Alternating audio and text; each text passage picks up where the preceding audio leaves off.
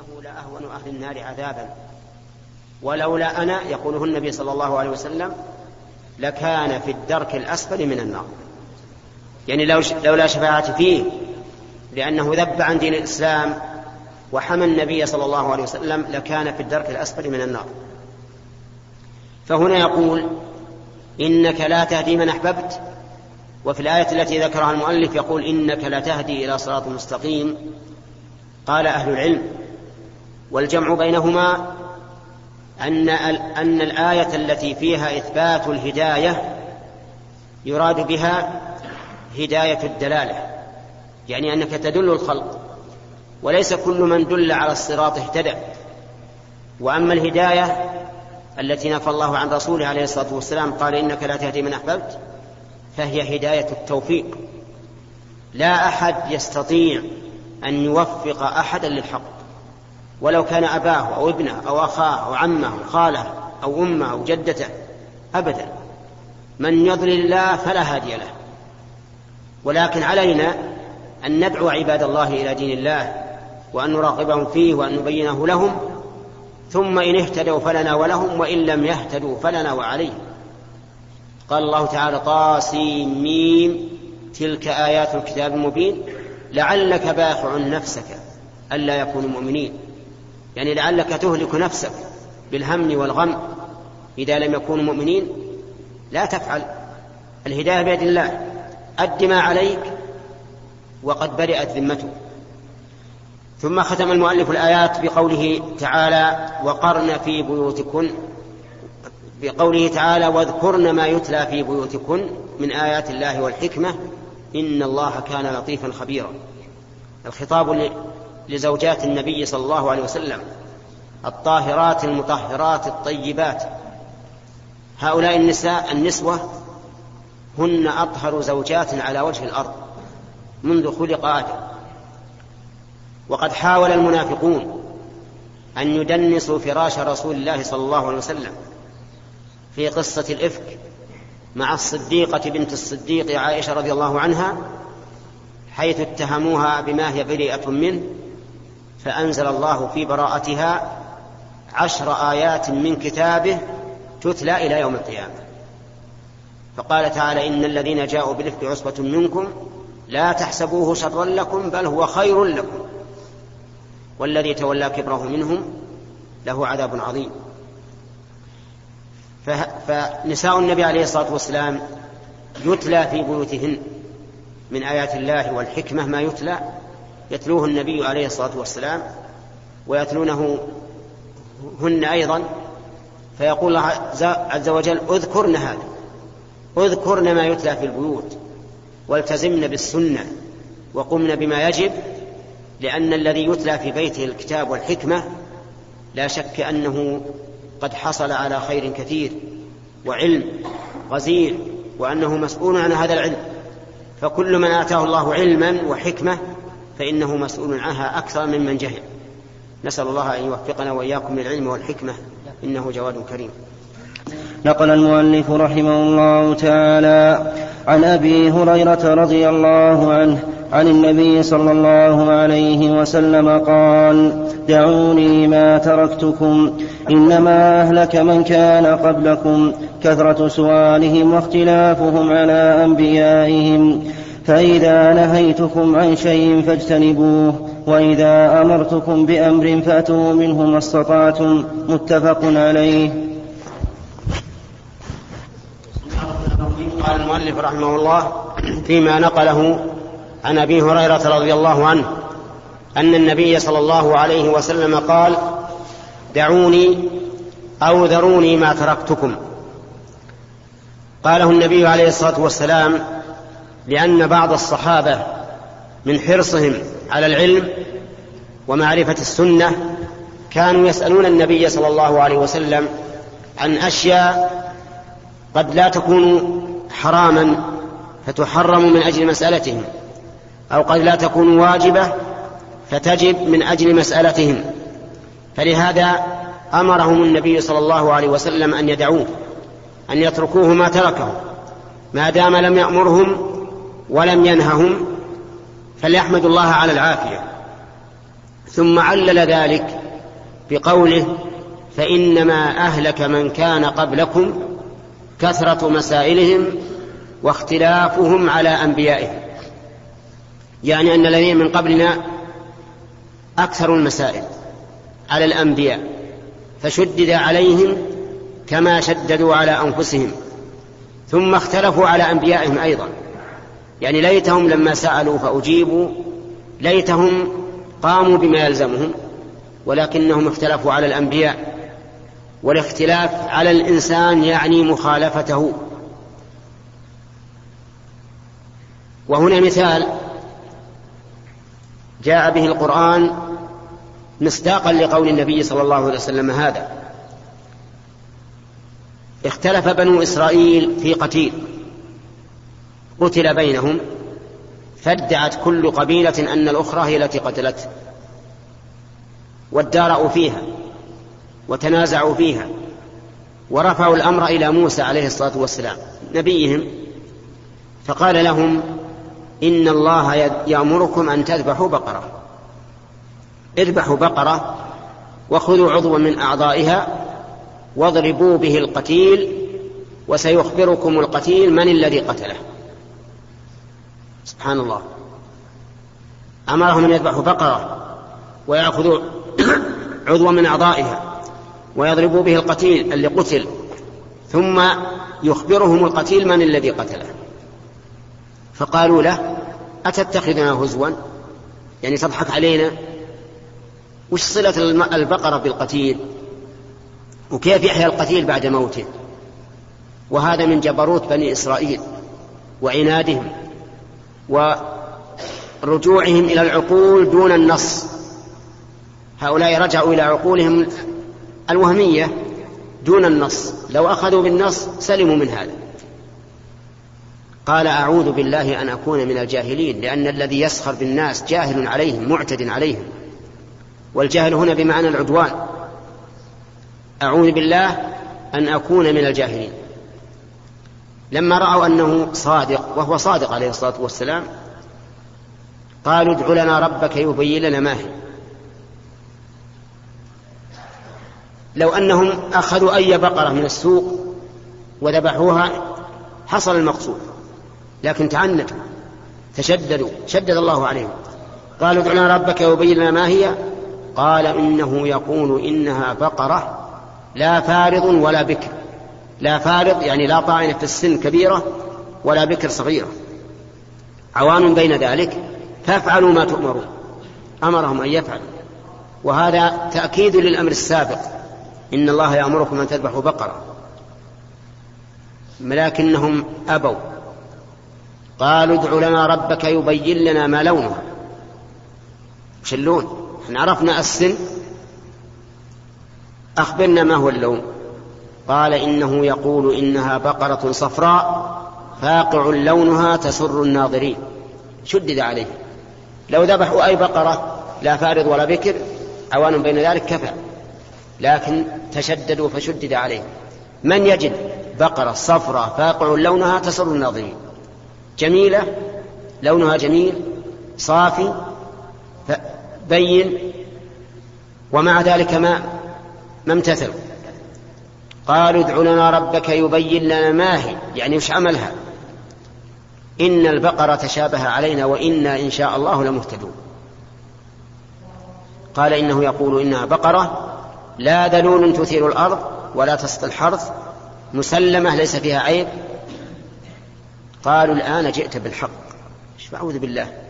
تحكم بالعقول على النصوص. الآن جئت بالحق. وقبل ما جاء بالحق قد جاء بالحق من قبل لكن أهواءهم وعقولهم أنكرت ذلك. قالوا الآن جئت بالحق فذبحوها وما كادوا يفعلون. يعني ما قاربوا أن يفعلوا ولكن بالإلحاح والمساءلات فعل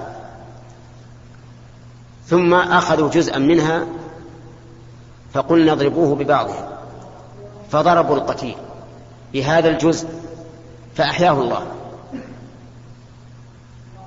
ثم قال الذي قتلني فلان. وانتهت المشكلة. المهم أن, أن كثرة السؤال للأنبياء عليهم الصلاة والسلام قد, قد تسبب شدة الأمر على الأمة. ومن ذلك ما وقع للنبي عليه الصلاة والسلام في قصة الأقرع بن حابس. الأقرع بن حابس من بني تميم.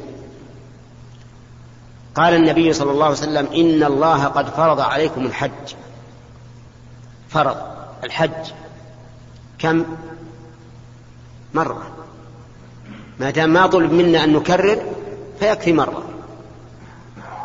فقال الأقرع أفي كل عام يا رسول الله؟ شوف السؤال هذا في غير محله. قال لو قلت نعم لوجبت ولما استطعت. ذروني ما تركتكم. فإنما أهلك الذين من قبلكم كثرة مسائلهم واختلافهم, واختلافهم على أنبيائهم. هذا أيضا من التشديد. ففي عهد النبي صلى الله عليه وسلم لا ينبغي أن نسأل عن شيء مسكوت عنه. ذروني ما تركتكم فإنما أهلك الذين من قبلكم كثرة مسائلهم واختلافهم على أنبيائهم. أما في عهدنا وبعد انقطاع الوحي بموت النبي صلى الله عليه وسلم فاسأل, فاسأل. اسأل عن كل شيء تحتاج إليه لأن الأمر مستقر. الأمر مستقر الآن. ما في زيادة ولا نقص. لكن في عهد التشريع يمكن أن يزاد يمكن أن ينقص. أما الآن فاسأل وأما فهم بعض العوام يقول لك لا تسأل.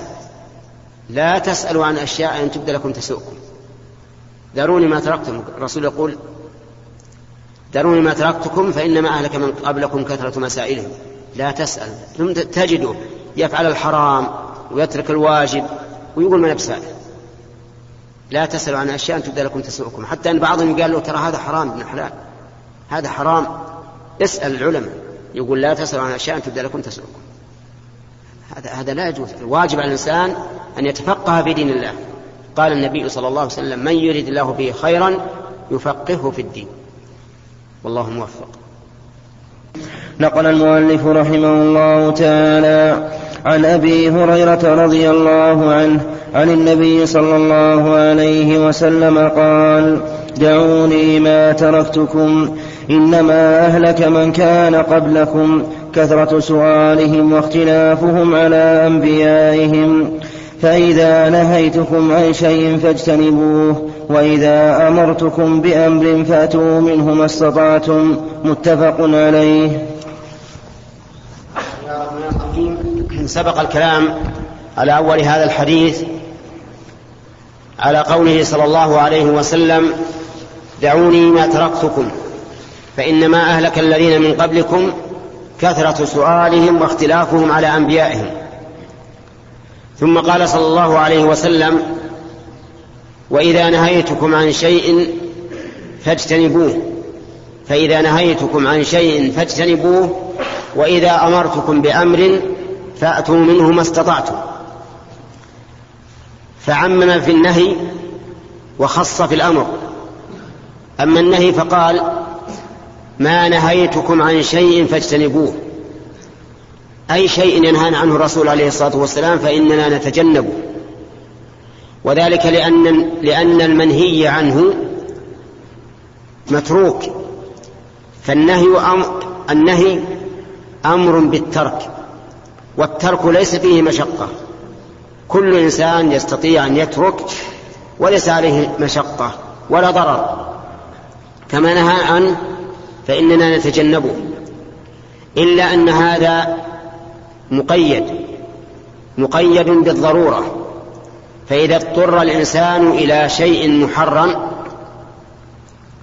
وكان لا يجد سواه وتندفع به ضرورته فإنه حلال. لقول الله تعالى وقد فصل لكم ما حرم عليكم إلا ما اضطررتم إليه. ولقوله تعالى حرمت عليكم الميتة والدم ولحم الخنزير إلى قوله فمن اضطر في مخمصة غير متجانف لإثم فإن الله غفور رحيم.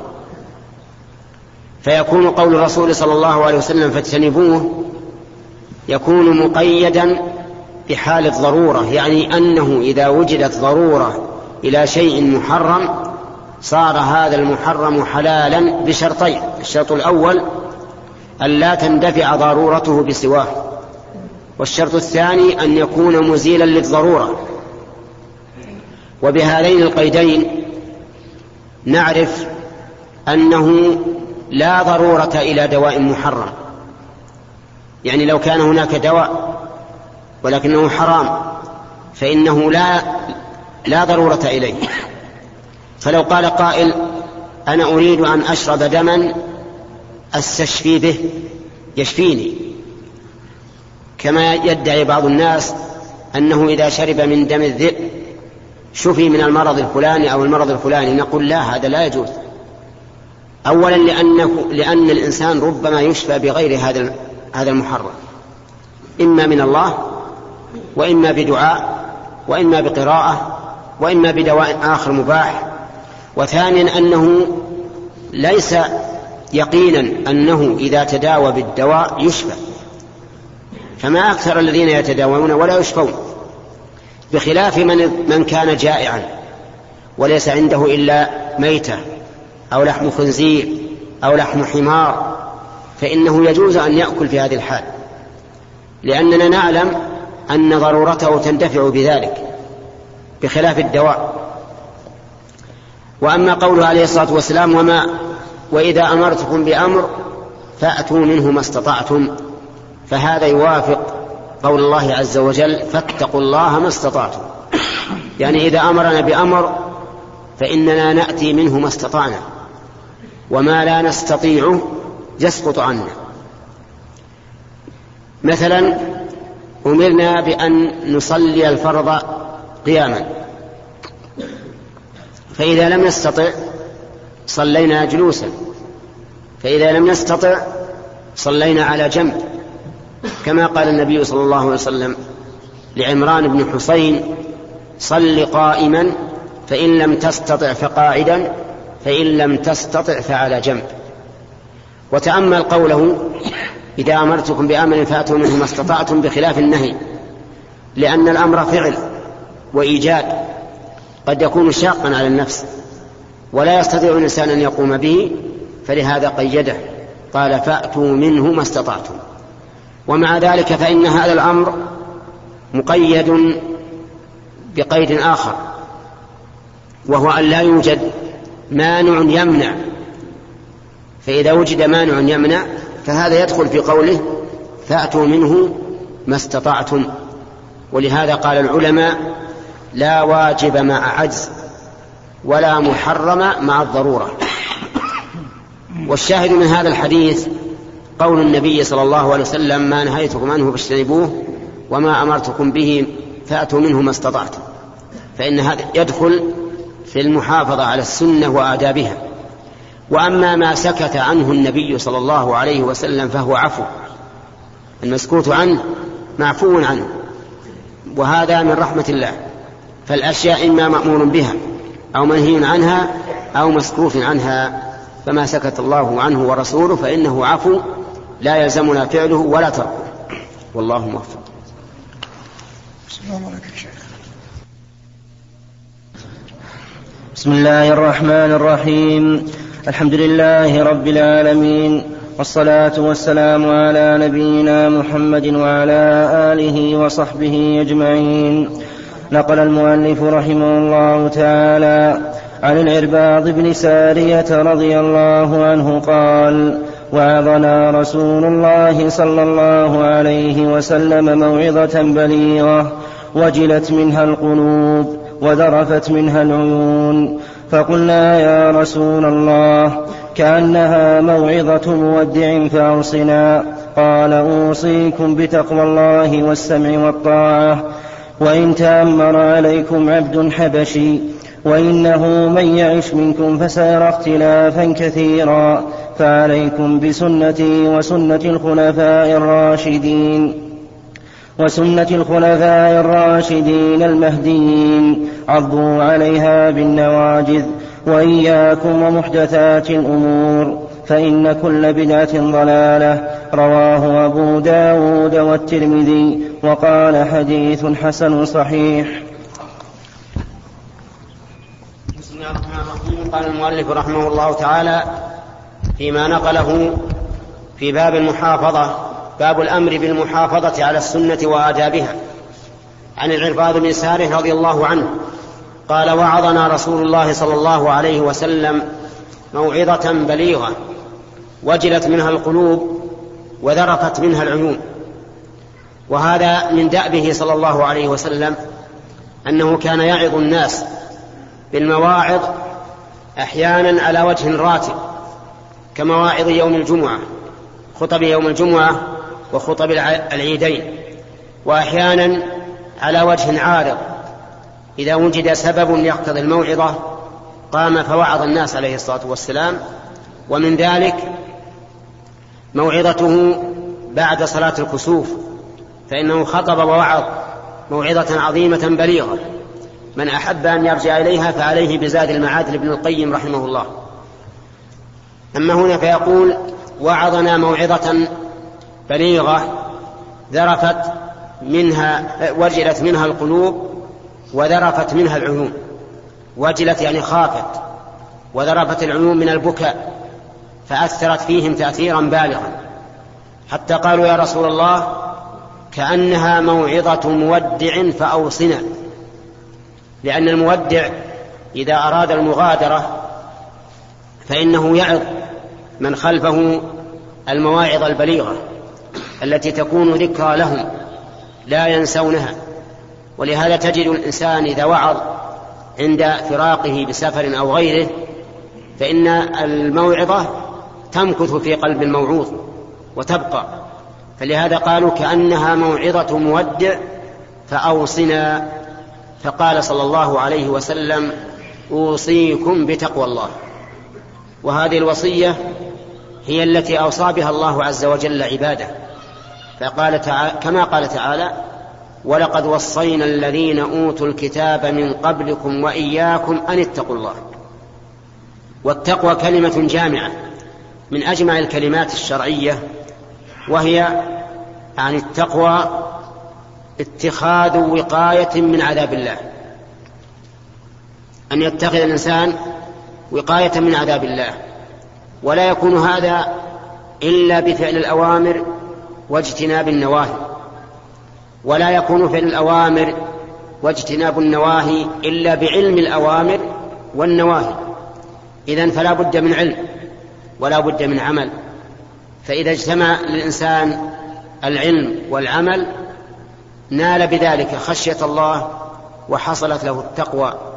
فتقوى الله إذن أن يتخذ الإنسان وقاية من عذابه بفعل أوامره واجتناب نواهيه ولا وصول إلى ذلك إلا بالعلم. وليس المراد بالعلم أن يكون الإنسان بحرا لا العلم بما يتعين عليه من أوامر الله. والناس يختلفون فمثلا من عنده مال يجب أن يعلم أحكام الزكاة. ومن قدر على الحج وجب عليه أن يعلم أحكام الحج وغيرهم لا يجب عليهم. فالعلوم الشرعية فرض كفاية إلا ما تعين على العبد فعله فإن علمه يكون فرض عين. قال أوصيكم بتقوى الله والسمع والطاعة وإن تأمر عليكم عبد حبشي. السمع والطاعة يعني لولي الأمر. وإن تأمر عليكم عبد حبشي سواء كانت امرأته عامة كالرئيس الأعلى في الدولة أو خاصة كأمير بلدة أو أمير قبيلة أو ما أشبه ذلك. وقد أخطأ من ظن أن المراد بقوله وإن تأمر عليكم عبد حبشي أن المراد بهم الأمراء الذين دون دون الولي الأعظم الذي يسموه الفقه يسميه الفقهاء الإمام الأعظم. لأن الإمارة في الشرع تشمل الإمارة العظمى وهي الإمامة وما دونها كإمارة البلدان والمقاطعات والقبائل وما أشبه ذلك. ودليل هذا أن المسلمين منذ تولى عمر بن الخطاب رضي الله عنه يسمون الخليفة أمير المؤمنين فيجعلونه أميرا وهذا لا شك فيه. ثم يسمى أيضا إماما لأنه السلطان الأعظم ويسمى سلطانا.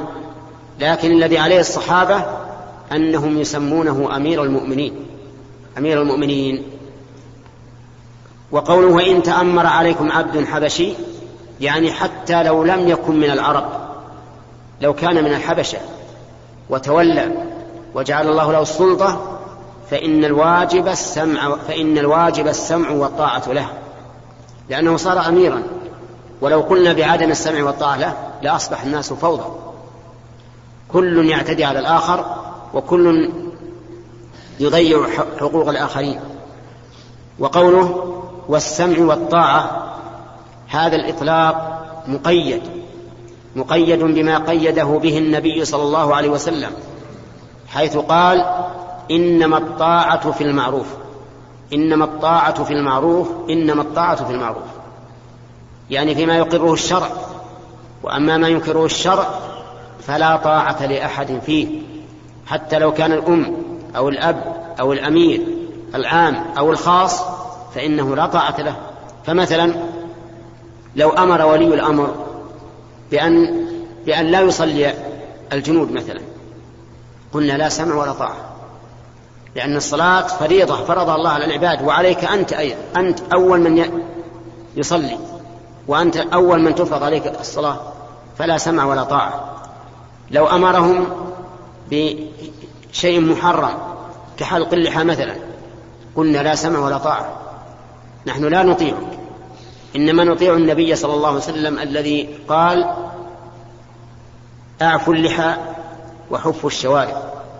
وهكذا كل ما أمر به ولي الأمر إذا كان معصية لله فإنه لا سمع له ولا طاعة. يجب أن يعصى علنا ولا يهتم به لأن من عصى الله وأمر عباد الله بمعصية الله فإنه لا, لا حق له في السمع والطاعة. لكن يجب أن يطاع في غير هذا. يعني ليس معنى ذلك أنه إذا أمر بمعصية أنها تسقط طاعته مطلقا لا. إنما تسقط طاعته في هذا الأمر المعين. الذي هو معصية لله. أما ما سوى ذلك فإنه تجب طاعته. وقد ظن بعض الناس أنها لا تجب طاعة ولي الأمر إلا فيما أمر الله به وهذا خطأ. لأن ما أمر الله به ننفذه ونفعله سواء أمرنا به ولي الأمر أم لا. فالأحوال ثلاث. إما أن يكون ما أمر به ولي الأمر مأمورا به شرعا كما لو أمر بالصلاة مع الجماعة مثلا. فهذا يجب امتثاله لأمر الله ورسوله ولأمر ولي الأمر. وإما أن يأمر ولي الأمر بمعصية الله من ترك واجب أو فعل محرم فهنا لا طاعة له ولا سمع. وإما أن يأمر بما ليس فيه أمر شرعي ولا معصية شرعية فهذا تجب طاعته فيه. لأن الله قال يا أيها الذين آمنوا أطيعوا الله وأطيعوا الرسول وأولي الأمر منكم فطاعة ولي الأمر في غير المعصية من طاعة الله ورسوله. والله موفق. نقل المؤلف رحمه الله تعالى عن العرباض بن سارية رضي الله عنه قال وعظنا رسول الله صلى الله عليه وسلم موعظة بليغة وجلت منها القلوب وذرفت منها العيون. فقلنا يا رسول الله كأنها موعظة مودع فأوصنا. قال أوصيكم بتقوى الله والسمع والطاعة وإن تأمر عليكم عبد حبشي وإنه من يعش منكم فسيرى اختلافا كثيرا. فعليكم بسنتي وسنة الخلفاء الراشدين المهديين. عضوا عليها بالنواجذ وإياكم ومحدثات الأمور فإن كل بدعة ضلالة. رواه أبو داود والترمذي وقال حديث حسن صحيح.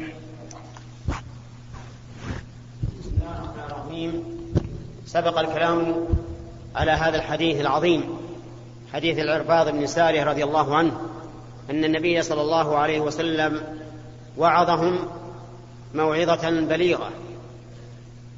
ذرفت منها العيون ووجلت منها القلوب القلوب. فقالوا يا رسول الله كأنها موعظة مودع فأوصنا. قال أوصيكم بتقوى الله والسمع والطاعة وإن تأمر عليكم عبد حبشي. وسبق الكلام على هذا كله. ثم قال صلى الله عليه وسلم فإنه من يعش منكم فسيرى اختلافا كثيرا. يعني من يعش منكم أي يمد له في عمره. فسيرى اختلافا كثيرا. اختلافا كثيرا في الولاية واختلافا كثيرا في الرأي واختلافا كثيرا في العمل واختلافا كثيرا في حال الناس عموما وفي حال بعض الأفراد خصوصا. وهذا الذي وقع. فإن الصحابة رضي الله عنهم لم ينقرضوا حتى حصلت الفتن العظيمة.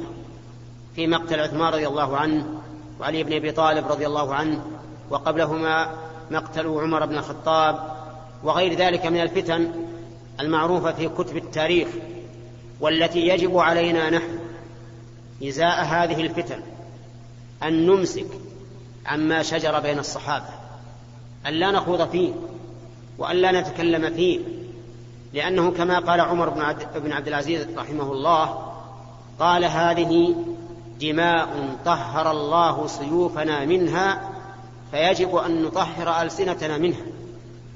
وصدق رضي الله عنه.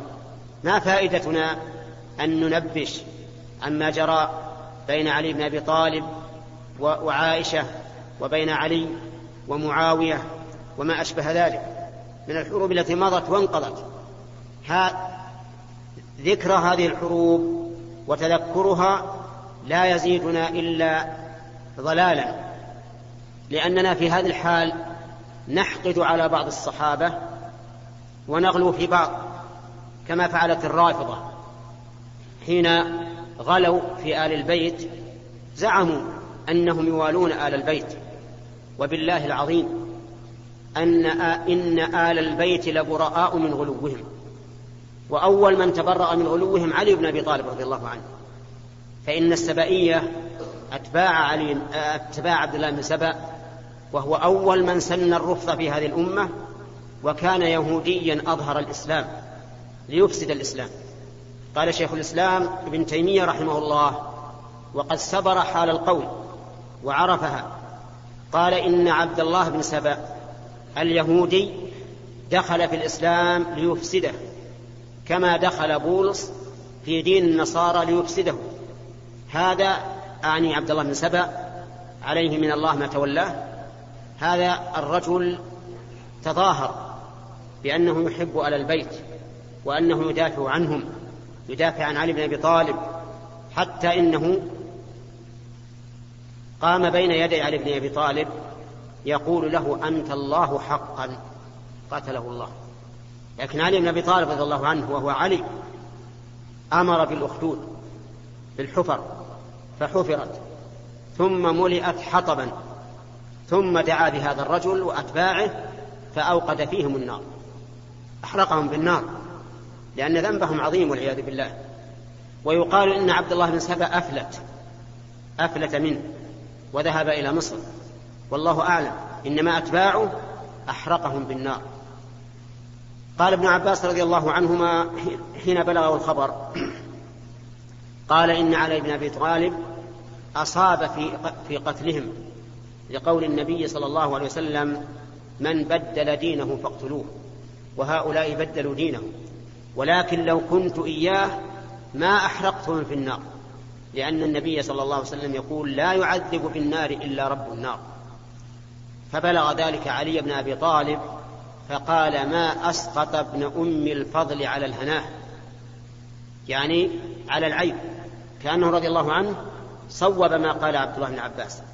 المهم أنني أقول إن من مذهب أهل السنة والجماعة أن نسكت عما شجر بين الصحابة. نسكت. ما نتكلم. نعرض بقلوبنا وألسنتنا عما جرى بينهم. ونقول كلهم مجتهدون. المصيب منهم له أجران والمخطئ منهم له أجر واحد. وتلك أمة قد خلت لها ما كسبت ولكم ما كسبتم ولا تسألون عما كانوا يعملون. لو قرأ الإنسان التاريخ حول هذه الأمور لوجد العجب العجاب. وجد من ينتصر لبني أمية ويقدح في آل في آل بن أبي طالب وآل النبي. ووجد من يغلو في علي بن أبي طالب وآل النبي ويقدح قدحا عظيما في بني أمية. لماذا؟ لأن التاريخ يا إخواني يخضع للسياسة. يخضع للسياسة.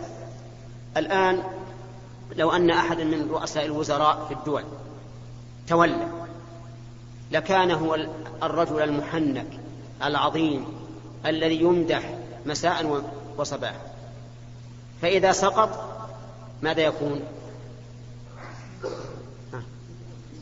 لا يساوي فلسا وذمه الناس. فالتاريخ الحاضر كالتاريخ الغابر سواء يخضع للسياسة. ولذلك يجب علينا نحن فيما يتعلق بالتاريخ ألا نتعجل في الحكم لأن التاريخ يكون في كذب يكون في هوى. تغير الحقائق ينشر غير ما يكون. يحذف ما يكون. كل هذا تبعا للسياسة. ولكن على كل حال ما جرى بين الصحابة رضي الله عنهم فيجب علينا أن نكف عنه أن نكف عنه كما هو مذهب أهل السنة والجماعة حتى لا يكون في قلوبنا غل على أحد منهم.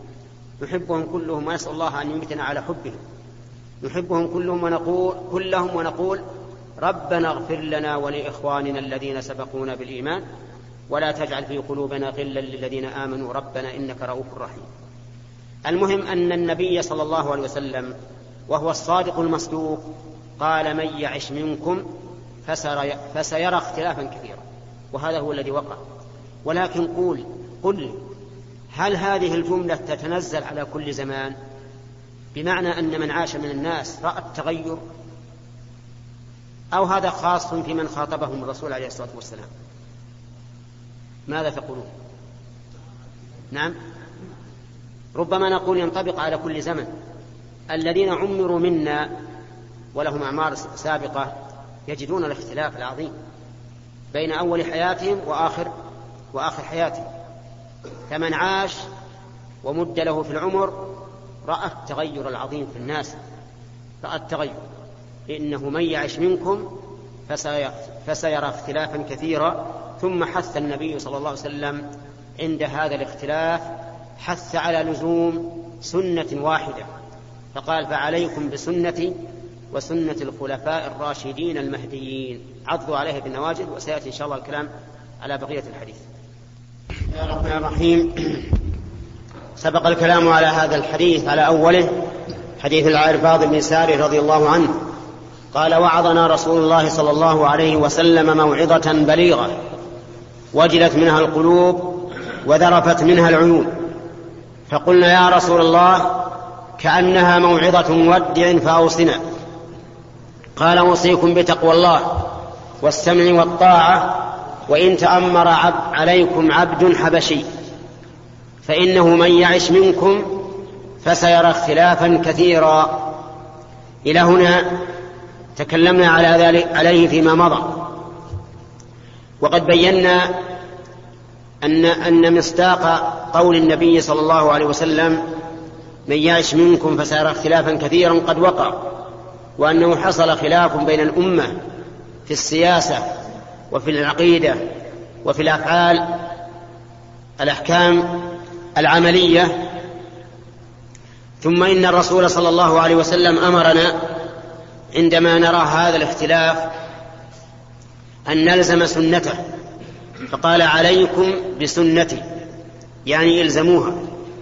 وكلمة عليكم يقول علماء النحو إنها جار ومجرور محول إلى فعل الأمر يعني إلزموا سنتي فما سنته عليه الصلاة والسلام؟ سنته هنا طريقته التي يمشي عليها عقيدة وخلقا وعملا وعبادة وغير ذلك. نلزم سنته ونجعل, ونجعل التحاكم إليها. كما قال الله تعالى فلا وربك لا يؤمنون حتى يحكموك فيما شجر بينهم ثم لا يجدوا في أنفسهم حرجا مما قضيت ويسلموا تسليما.